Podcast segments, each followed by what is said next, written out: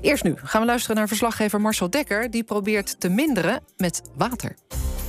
KRO NCRV. Verhalen van spraakmakers. Met regen komt er 30 miljard kuub regenwater naar beneden. Nederland is een waterland. Met de rivieren komt er 80 miljard kuub per jaar aan rivierwater naar binnen. Maar om dat water geschikt te maken voor consumptie en er daarnaast ook genoeg van te maken, wordt volgens de drinkwaterbedrijven de komende jaren een steeds grotere uitdaging. Daarom moet er nu actie worden ondernomen, zeggen ze. Deze week in Spraakmakers gaan we die uitdaging aan. Op zoek naar de toekomstbestendigheid van ons drinkwater.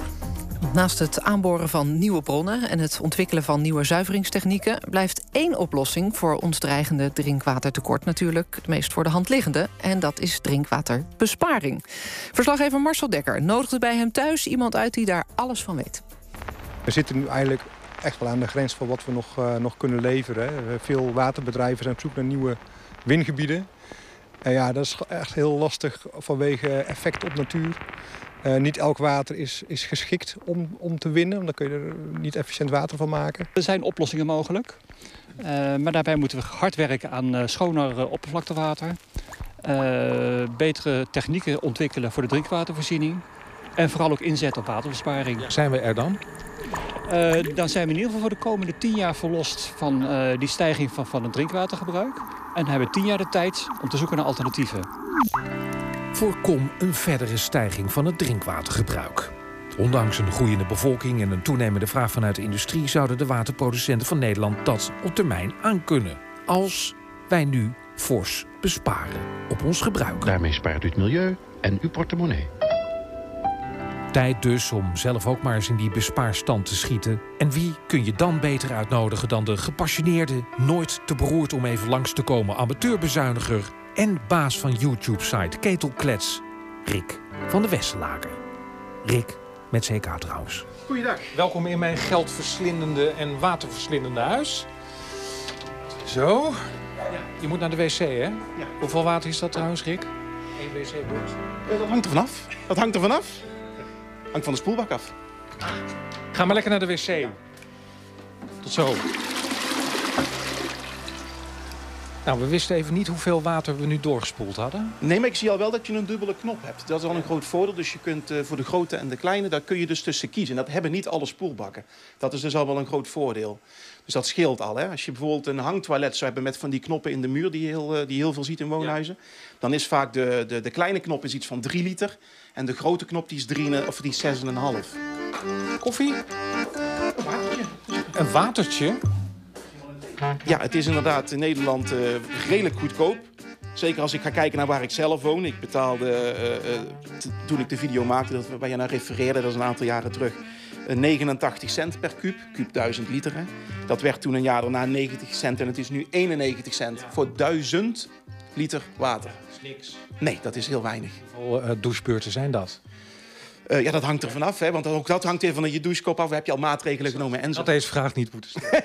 ja, maar niet uit. Maar goed, het is wel een beetje, sorry dat ik het uh, op zijn Frans zeg, verneukeratief. Want we denken dat het heel goedkoop is. Maar eigenlijk in de praktijk, als je de extra kosten aan toevoegt... dan is water helemaal niet goedkoop. Nee, nee, dat klopt. Er zitten natuurlijk meerdere componenten aan. En we hebben natuurlijk de kale prijs voor de kuub water. Maar er zit natuurlijk ook altijd een stukje variabel rioolrecht zit eraan. Dus dat moet er nog bij, hè, want dat is afhankelijk van hoeveel water je gebruikt. Daar word je voor aangeslagen. Het is een vast component en een variabel component. Nou ja, dat variabele component, dat moet er nog bijgeteld worden.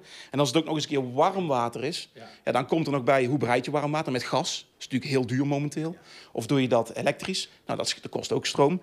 Ja, als je dan uit gaat tellen dat je ongeveer 4 kuub gas nodig hebt om 1 kuub water te verwarmen tot zeg 60 graden. Ja. En je zou dat allemaal met elkaar optellen met de huidige hoge prijzen. En dan zit je al op een prijs van warm water per kuub van, van, van tegen de 6, 7 euro aan. Zal ik mijn kinderen eens vertellen als ze weer 10 minuten onder de douche staan? Rick? Keuken, daar zijn we nu. Ja. Um, ondertussen is de afwasmachine lekker flink aan het draaien overdag. Dat doet hij meestal niet. Maar goed, bekend hoeveel water dat kost? Uh, de modernere met de, met de wat uitgebreidere displays, die geven het zelfs aan. Hè. Sommigen die kunnen zelfs met 5 liter al een complete uh, uh, beurt draaien, zeg maar.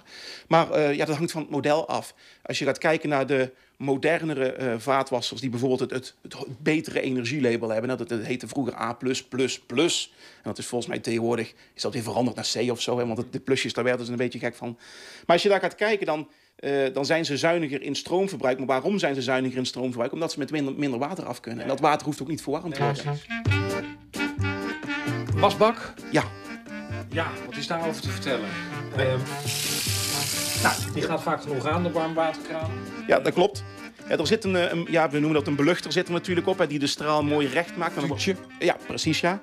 Eh, straalregelaar wordt het ook wel genoemd. Nou, die kun je eigenlijk, want dit is een eh, eentje met binnendraad. Binnendraad, buitendraad, een beetje een technisch verhaal. Maar degene met binnendraad die valt over de kraan heen en degene met buitendraad die draai je in de kraan. Eh, ja, die kun je heel simpel eraf draaien en vervangen voor een eh, eentje die meer lucht bijmengt. Eh, ik had het bij mij thuis ook in de kraan van de keuken zitten. En daar heb ik nu een, een variant in zitten die maar 3,8 liter per minuut doorlaat. Terwijl de plaats van? Eh, ik meen dat het 9 was of zo. Zoveel? Ja, er zit heel veel verschil tussen, ja. Het leuke hiervan is, ehm, eh, je, je- helpt in feite mensen met iets wat... Ja, ik- toen ik ermee begon, 2019, toen was het ook al actueel. Maar het is nu echt helemaal... eh, kijk, voorheen was het altijd van ik ga mensen helpen om te besparen... Hè, en dan wat geld achter de hand houden. Maar het is nu al zo ver gekomen dat eh, eh, je gaat deze dingetjes doen. Anders dan ga je potentieel hoofdelijk failliet. Als je niet uitkijkt met de extreme energieprijzen die we nu zien. En hoe minder dat je daarvan nodig hebt en hoe meer je, de- je weet te besparen, hoe, hoe- lager ook je blootstelling is aan die hoge prijzen en alles wat erbij komt kijken. Ik van de Westerlaken wereldverbeteraar. Nou ja, oh, nou ja ik, ik doe het ervoor. De reportage van Marcel Dekker en alle tips die hij heeft gekregen... en voor u dus ook als luisteraar om wat minder water te gebruiken. Volgende week dan lopen we mee in een huisartsenpraktijk. Huisartsen hebben het integraal zorgakkoord niet ondertekend... en verslaggever Anne van der Veen die gaat bekijken waarom niet.